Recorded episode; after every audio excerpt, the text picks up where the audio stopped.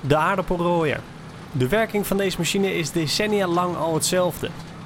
De machine licht de aardappel uit de grond, haalt vervolgens de aarde, loof en stenen eruit, legt ze op een zwat of verzamelt ze in een bunker, kist of een keeper die ernaast rijdt. Het is techniek die in de basis al tientallen jaren hetzelfde is. Wel een verschil is dat de machines een stuk groter zijn geworden. De capaciteit is fors toegenomen en er zit behoorlijk veel elektronica op zo'n ding. Alles wat jij op zo'n machine wilt hebben, kan tegenwoordig worden opgebouwd. Op de optielijst is er keuze uit verschillende soorten scharen, zeefmatten, loofmatten, egelbanden, kluitenrollen, transportbanden, maar ook opbrengsensoren, camera's en verschillende soorten banden. De keuze is reuze. Maar toch is nog niet alles verkrijgbaar. De Universiteit van Wageningen heeft namelijk een speciale wens. Zij willen een aardappelrooier die geschikt is voor de rijpaden en strookteelt. Eigenlijk is het de bedoeling om alles op rijpaden te doen. Dus dat er geen enkele keer meer in het teeltbed gereden wordt. Dus het laatste stapje om de oogst ook vanaf rijpaden te doen is volgens ons best een belangrijke. Maar een rooier die geschikt is voor vaste rijpaden, die hebben de grote fabrikanten nog niet. Je kunt het niet standaard in de catalogus aanvinken van ik wil een rooier die nou, op 3 meter eh, 15 of 3 meter 20 rijpaden staat. En daarom gaat de universiteit er zelf eentje bouwen. In deze podcastserie hoor je gesprekken met de onderzoekers van de universiteit. Met akkerbouwers die tegen hetzelfde probleem aanlopen. En met de machinefabrikanten en dealers die meewerken aan het bouwproject. Nogmaals, doordenk het alsjeblieft goed, want je haalt wel echt heel wat op je hoofd. Ik ben Chris Vlaanderen, redacteur van Landbouwmechanisatie. En in deze serie van In Productie volg ik de ontwikkeling van een rijpadenrooier.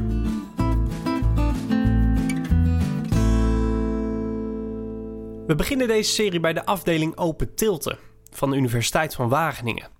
Die afdeling is trouwens niet in Wageningen, maar in de polder, in Lelystad. Als je er aankomt rijden, dan oogt het als een normaal akkerbouwbedrijf. Maar de grote hoeveelheid auto's op de parkeerplaats verklapt dat er hier vrij veel mensen werken. Het is een proefbedrijf waar praktijkonderzoek wordt gedaan naar onder andere nieuwe teeltmethoden. Ook worden hier nieuwe machines getest, zoals drones, robots, maar ook schoffelmachines en veldspuiten. En die proeven vinden plaats binnen verschillende projecten. Een van die projecten is de boerderij van de toekomst. Dan moet ik het raam even dicht doen? De persoon die je hier hoort is Joost. Hij weet alles van het project. Ik ben eh, Joost Rijk, ik ben 28 jaar. Ik eh, kom uit Binnenhuizen. We hebben thuis een eh, biologisch akkerbouwbedrijf. En daar ben ik samen met mijn ouders is dat in maatschap.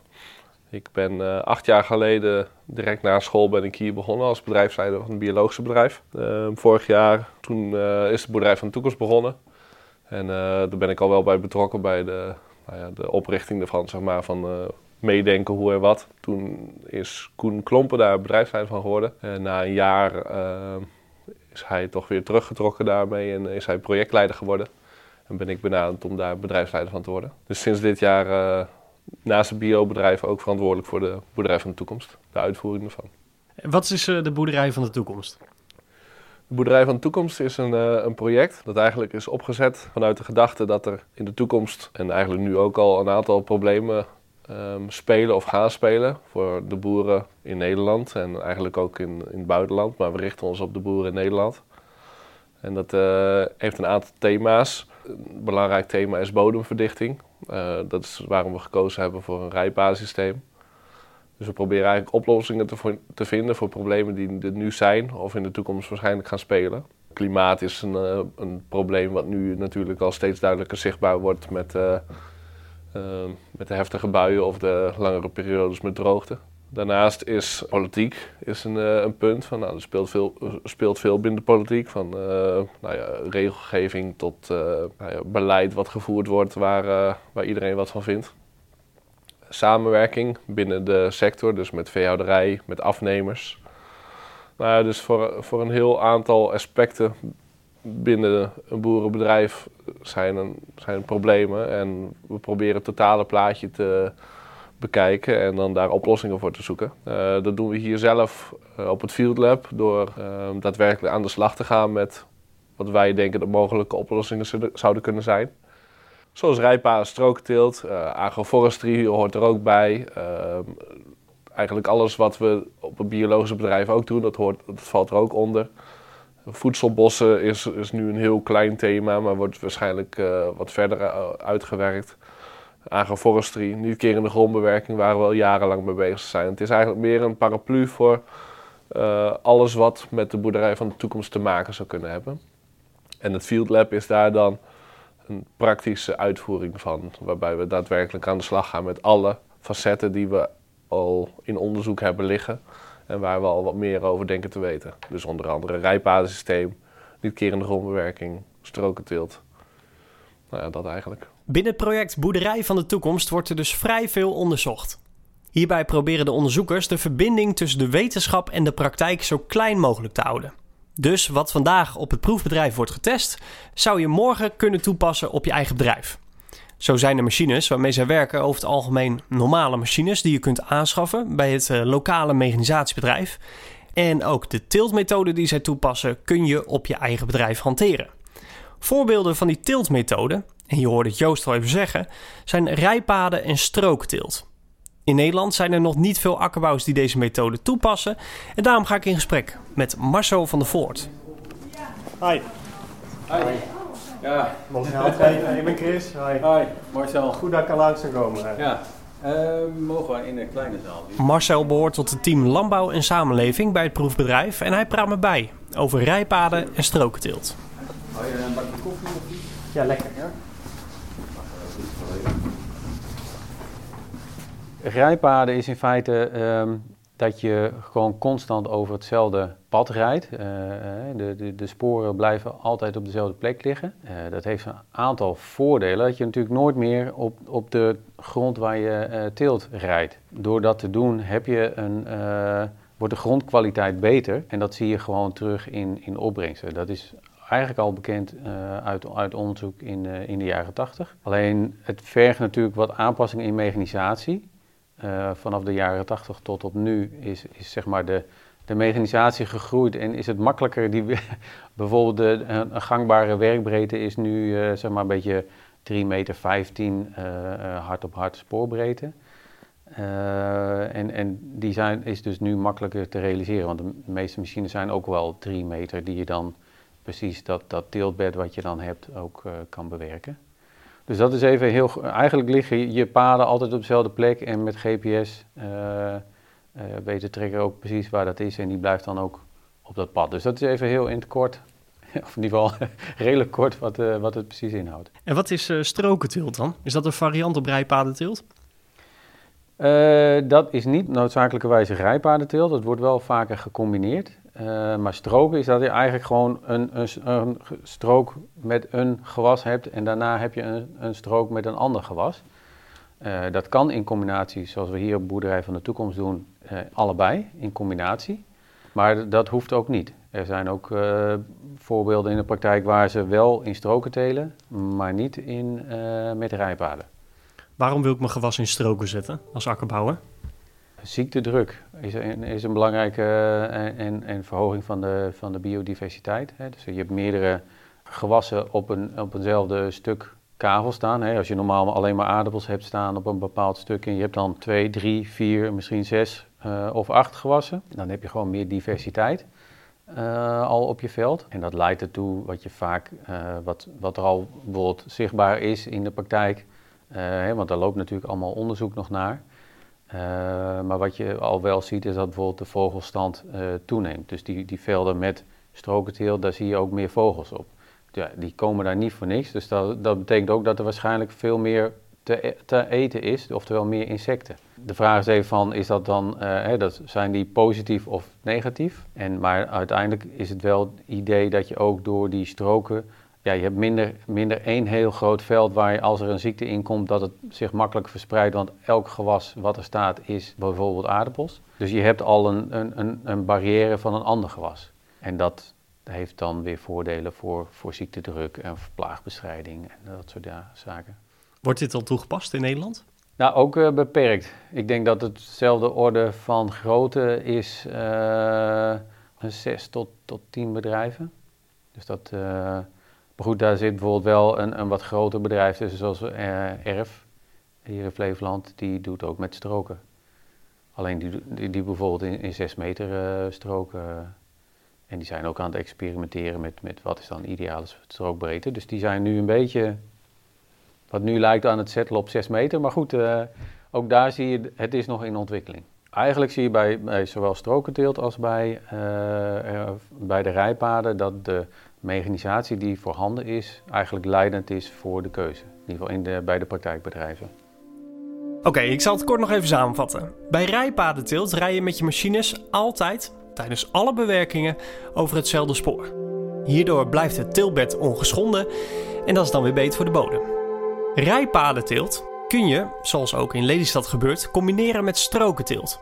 Hierbij worden verschillende gewassen in stroken door elkaar heen geteeld. Die stroken kunnen 3 meter zijn, maar bijvoorbeeld ook een stuk breder. Het is net wat jij handig vindt en wat het beste bij jouw mechanisatie past. Op het proefbedrijf in Lelystad gebeurt het allebei. Joost Rijk legt uit waarom. Uh, die 3 meter stroken, dat is, uh, daar hebben we al vrij veel ervaring mee. Dat doen we al, uh, al jarenlang om te kijken van nou, wat voor effect heeft dat nou.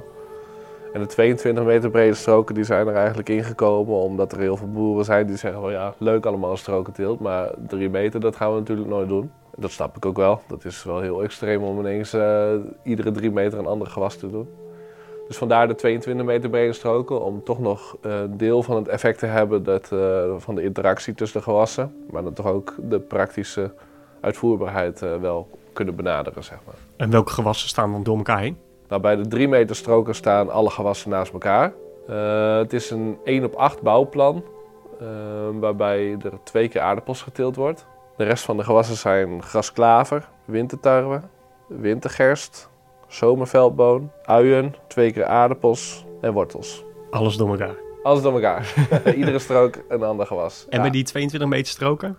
Daar, um, de combinaties zijn um, aardappels en tarwe, aardappels en veldboon, winterpeen en wintergerst, grasklaver en uien. Die staan naast elkaar. Door de verschillende gewassen in stroken naast elkaar te telen neemt de biodiversiteit toe en kunnen plagen en ziektes zich minder snel verspreiden.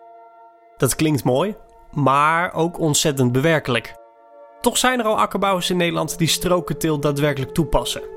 Een van die akkerbouwers zit in het Zuid-Hollandse Oldgensplaat. Ik ben Cornelis Mosselman, 38 jaar oud. Inmiddels alweer een best een tijdje boeren op Goede Overkee. Een jaar of vier geleden besloten we radicaal het roer om te gooien van gangbare akkerbouw naar uh, biologisch. Uh, biologisch vond ik eigenlijk nog niet genoeg.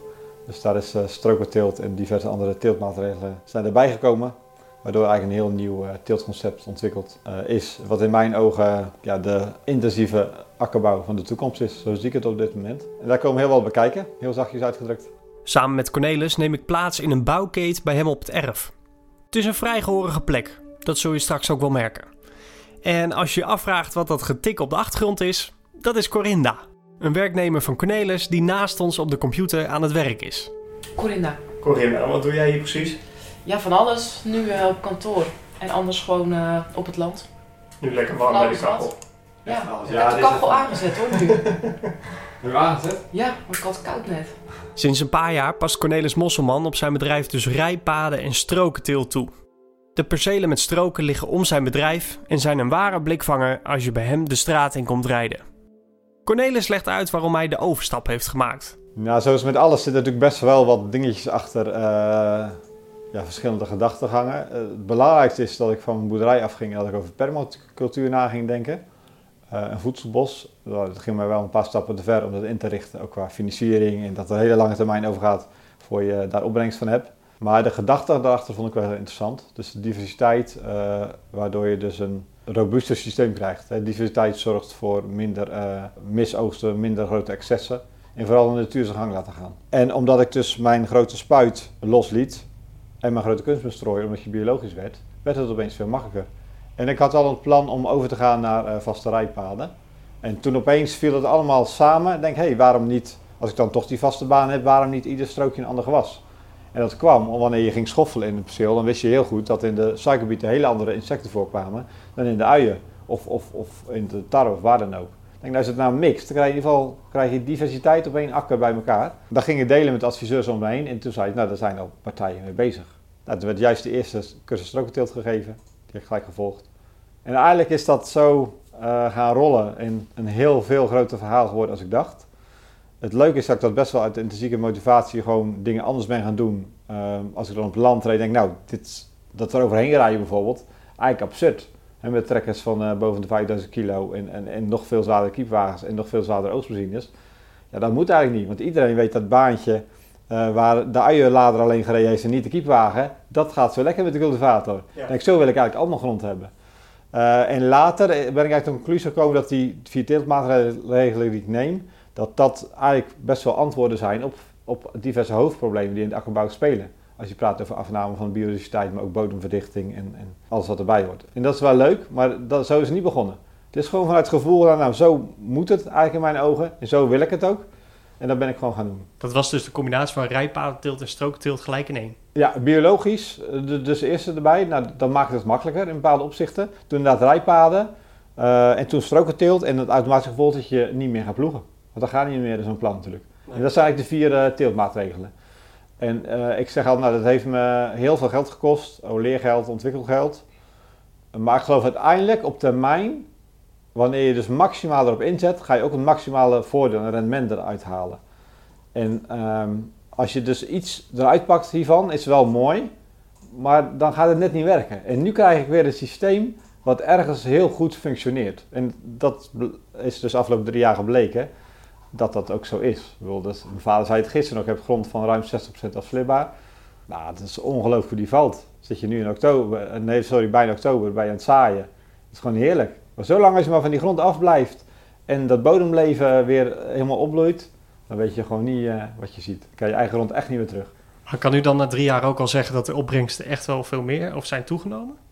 Nee, dat is lastig, hè? want je, je hebt natuurlijk de seizoenen. Eh, ik merk ook dat je zo ver van de normale praktijk afgegaan bent, dat ik me die bijna niet meer kan voorstellen. Dat klinkt heel gek als ik een paar jaar verder ben. Maar nu realiseer ik van, oh ja, normale telers doen het zo, lopen ze daar tegenaan. Ik vind dat lastig. Hè? want Dit jaar is heel duidelijk voor de pompoenen. Die zijn best veel plekken niet echt gelukt. Die hebben gewoon met de voeten in het water gestaan. En deze manier van telen zorgt dus dat de grond enorm luchtig is en heel veel gangen hebben en goed doorworteld. Maar in het geval van pompoenen denk ik dat er zoveel zuurstof toch bij geweest is, dat die wel gedaan hebben. We hebben eigenlijk een topopbrengst van poenen nu, Eh, lijkt het erop. Eh, echt schitterende pompoenen, terwijl collega's, ook bio in de buurt hier, gewoon hetzelfde ras, ongeveer dezelfde tijd gezaaid, eh, zeer matig en veel rotten en veel problemen. Nou, ik denk dat is echt een direct gevolg wat echt toe te schrijven is aan deze manier van telen. En dan word ik ook bevestigd, nou hiervoor ben ik zo aan het tobben en soms zo heel moeilijk aan doen wat je net zei. Ehm, ja, daar doe je het voor. En dat is wel het verschil tussen bijna niks en een topopbrengst. Is heel groot, hè? Maar verdien je dan die kosten die je hebt gemaakt voor de ontwikkeling van dit hele, nou ja, van deze tiltmethode dan terug? Nou, dat is dus het hele lastige. Eh, ik noem mijn website en zo met name eh, noem ik vooruitboeren, omdat ik vind dat we nu achteruitboeren. Toen natuurlijk in chemische middelen en zo, daar zijn we echt wel aardig aan het minderen, gewoon door de wet en regelgeving. Maar we gaan onder andere met die enorme zware machines, zijn we keihard achteruit aan het boeren. En alleen omschakelen van een 10 ton skiepwagen naar een 20 ton skiepwagen zorgt voor zo'n enorme bodembelasting. En die brede banden ook echt funest. Funest voor heel de bodem. Ik heb het gewoon aan de lijf ondervonden. Ik had ook 20 tons beko's had ik. Ga alsjeblieft gewoon met je 10 tonnetje met wat stuggere, hardere banden rijden en niet meer met die grote. Ehm, dus we gaan gewoon de verkeerde kant op. Alleen het probleem is dat gaat heel langzaam, heel sluipenderwijs. Eh maar wil je dus weer terug, of, of vooruit, en net hoe je het wil formuleren, dat houdt in dat de kosten enorm voor de baat uitgaan. En, maar ik geloof wel dat we die omslag moeten gaan maken.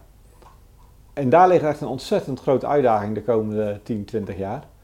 Eh, en dat kan eigenlijk op dit moment nog niet, ook financieel niet uit. Maar ik wil wel heel erg laten zien van zo zou het moeten.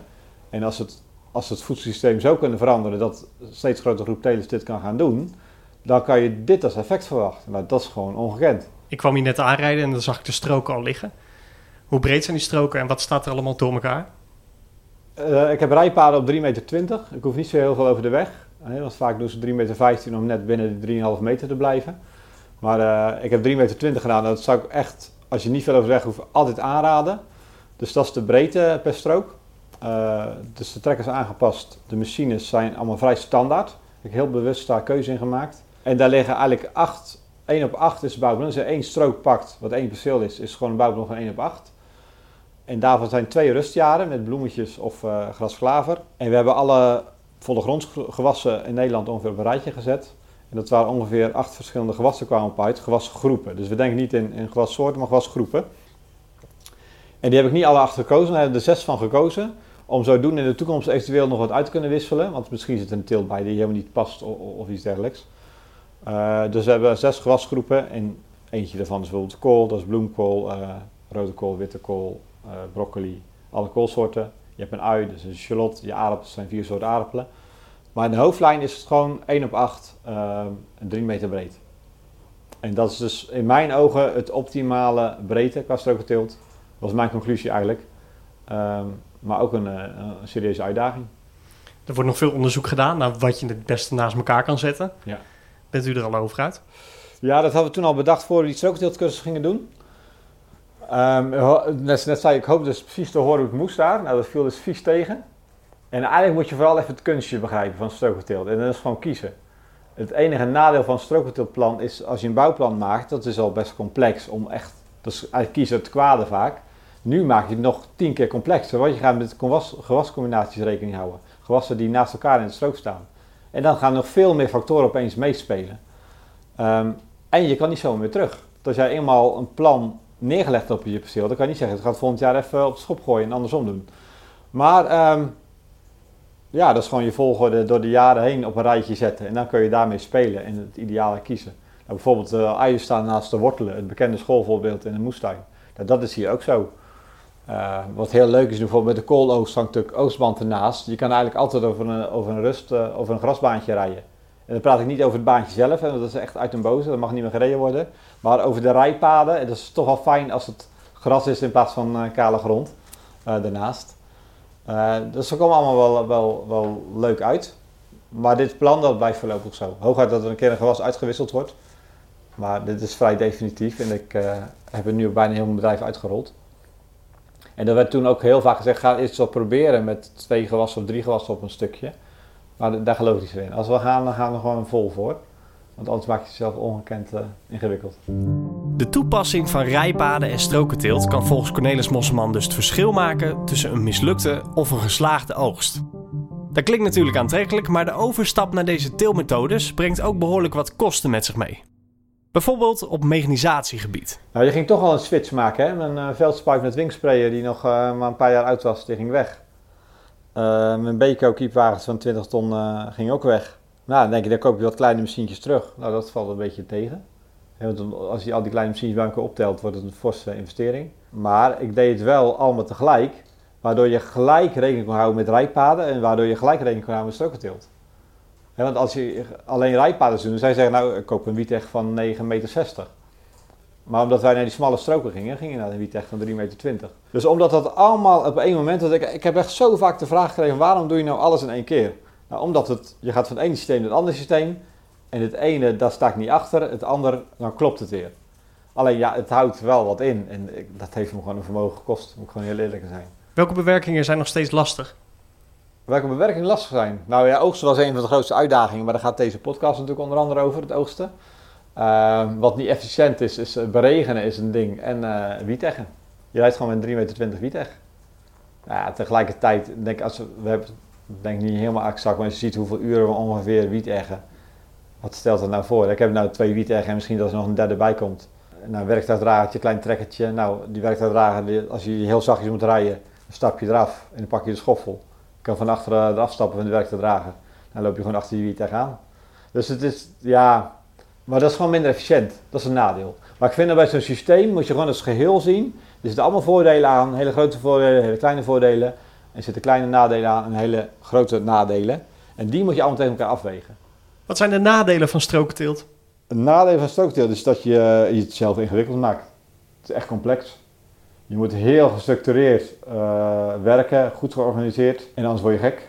dus qua registratie, uh, administratie, als je met meerdere mensen werkt, moet je goed op orde hebben, want, want ze moeten allemaal dat omschakelen en denken. En dat is echt complex. En de WUR zegt, val allemaal mee en ze hebben nog weinig op verkeerde strook gegaan. Nou, knap, hè? ze hebben blijkbaar hele goede personeelsleden. Maar er gaat echt wel eens wat mis. En het is, het is echt wel een uitdaging. En, en nogmaals, hè, minder capaciteit, eh, beregen is een uitdaging. Um, dat, dat zijn de structurele nadelen. Tegelijkertijd, ja, ik heb hier afnemers gekregen die, uh, alle afnemers die kwamen, dat was gewoon, het perceel was een visitekaartje. Nou, het is wel anders als ik nou één veld aardappels heb. Of je ziet dit echt fascinerende plaatje het hele tijd door uh, veranderd, het hele seizoen door. Uh, nou, dat heeft eigenlijk wel gezorgd dat er geen afnemer hier weggegaan is die niet wilde samenwerken. En um, wij doen een prijsvoorstel. Wij zeggen, dit is onze kostprijs, er moet zoveel marge bij. En dat is ons prijsvoorstel. En er wordt eigenlijk nooit nee tegen gezegd. Ja, dat zijn niet zoveel boeren in Nederland die dat uh, kunnen zeggen, denk ik. Ik snap, hè, dat hoort bij mijn pioniersrol, uh, dat je eigen niche creëert, dat je dat hebt. Maar dat staat wel tegenover al het getop en gezwoeg en uh, alle moeite. Dus het staat wel wat tegenover. En die samen houden elkaar een beetje in evenwicht en balans. Zoals je hoort heeft strookteelt voor- en nadelen. En het is lang niet voor iedereen weggelegd. Je moet gestructureerd kunnen werken en het vereist nogal wat doorzettingsvermogen. Rijpadenteelt is makkelijker toe te passen. Alleen je machines moeten er wel geschikt voor zijn. Want ga je werken met vaste rijpaden, dan moeten al je machines op dezelfde spoorbreedte staan. En dat valt niet altijd mee. Bijvoorbeeld tijdens de oogst. Want aardappelrooiers zijn bijvoorbeeld niet op een spoorbreedte van 3,15 meter verkrijgbaar. Sommige akkerbouwers kiezen daarom voor een tussenvorm van rijpadenteelt. Ook wel seizoensrijpaden genoemd. Hierbij wordt er het hele seizoen over de rijpaden gereden, behalve tijdens de oogst. Volgens Marcel van der Voort is dat echter meer noodzaak dan luxe. Eigenlijk is het gewoon een praktisch probleem waarom er nu zeg maar die hybride vorm bestaat. Er zijn nog onvoldoende oplossingen voor bijvoorbeeld de grondbewerking eh, of uh, bijvoorbeeld voor de oost. Dus daar, daar moeten gewoon oplossingen voor komen. En nu zie je dat die er nog niet of onvoldoende zijn. En een heel mooi voorbeeld wat we nog niet hebben getekeld is de winterpeen oost. Ja, met een klembandrooier, uh, daar rijdt altijd iemand naast uh, op 3,15 meter. Uh, dan dan zeg maar, moet er weer een bed tussen. Dus voordat je dan de, zeg maar, de, de kistenwagen hebt waar je het in kwijt moet, dan moet je of een hele lange arm hebben en dan moet de, die, die klembandrooier nog passend worden gemaakt op dat rijpad. En dat, dat is toch een hele lastige. Plus dat je natuurlijk heel veel, uh, toch heel veel tonnen product hebt. en dan met winterpeen ook nog met, met aanhangende grond. dus ja, dan heb je ook veel af te voeren. En dat maakt het op, vanaf rijpaden extra lastig. Dus zeg maar, winterpeen is nog een van de hoofdbrekens. Marcel haalt de winterpeenoogst aan, maar ook andere gewassen zijn lastig te oogsten vanaf rijpaden. Machinefabrikanten hebben hier simpelweg geen oplossing voor. Er zit dus niks anders op dan zelf rooien te construeren of om een bestaande machine om te bouwen. Maar dat is voor veel akkerbouwers toch te hoog gegrepen. Waarom dat zo is, dat hoor je in de volgende aflevering van deze podcastserie. Dan ga ik in gesprek met Bram Veldhuizen. Hij werkt ook bij de Universiteit van Wageningen en is gespecialiseerd in precisielandbouw en robotica. Hij legt uit waarom ze in Lelystad zo graag zo'n rooier voor de strokenteelt willen hebben. Ook vertelt hij welke rooiers zij gaan ombouwen en welke overwegingen zij erin hebben gemaakt. Hoe groter je de machine maakt, hoe meer je mee kan nemen, hoe efficiënter het eigenlijk is. Maar ja, dan heb je wel weer dat je ook steeds meer gewichten mee gaat slepen. En niet alleen het gewicht in de bunker, maar ook het gewicht van de machine die de bunker moet dragen. Ook hoor je hoe akkerbouwer Cornelis Mosselman het oogstprobleem bij hem op het bedrijf heeft opgelost. Ja, het is gewoon een, eigenlijk een 1,50 rooier van vroeger. En je zit aan de rechtse kant zit een rek op waar je de lege kisten op kan zetten. Dat rek kan uitklappen. Uh, achter gaat hij onder het rode gedeelte door, de lege kisten. En aan de linkerkant uh, zit een vulbandje waar de volle kisten op verzameld worden. Dit alles en nog veel meer hoor je in de volgende aflevering van In Productie. Dit is een podcastserie van Landbouwmechanisatie. Wil je nog meer weten over de mechanisatie in de akkerbouw? Je leest het laatste nieuws op de website megaman.nl en in vakblad Landbouwmechanisatie.